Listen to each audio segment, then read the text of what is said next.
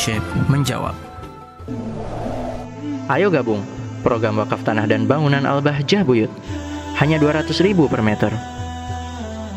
Assalamualaikum warahmatullahi wabarakatuh. Waalaikumsalam warahmatullahi wabarakatuh. Afan, Abah izin bertanya. Saya bangun kesiangan di luar sudah terdengar ikomah.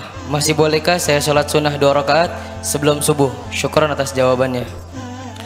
Jika kumandang berjamaah sudah dikumandangkan, maka jangan sibuk sholat apa pun kecuali laksanakan sholat berjamaah subuh. Kemudian koblianya bagaimana Pak Ustadz? Koblianya ba'da subuh. Dan itu bukan jadi kodok, tapi jadinya ada. Bukankah sholat setelah subuh diharamkan? Itu dua sholat saja, sholat sunnah mutlak dan sholat ha hajat. Adapun kalau sholat qobliyah, ya kan, bukan sholat hajat, bukan sholat sunnah mutlak.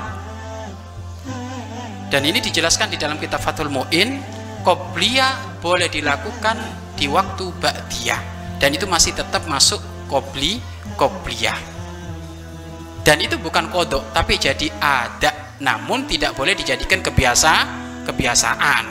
Ya, kalau dijadikan kebiasaan itu orang males. Ya, mungkin ada sesaat-saat kita memang terbentur dengan waktu seperti itu. Ya, sesaat-sesaat mungkin sekali, mungkin kita karena memang kecapean apa sehingga apa bangunnya sudah waktu komat. Ya. Kalau sudah waktu komat segera ngambil wudhu langsung melaksanakan sholat so subuh. Qobliyahnya nanti ba'da su, subuh. Dan itu bukan jatuh kodok tapi jatuhnya adalah ada. Ya namun tidak boleh dijadikan kebiasaan. Wallahu a'lam bisawab Mari berinfak untuk operasional lembaga pengembangan dakwah Al-Bahjah Buyut.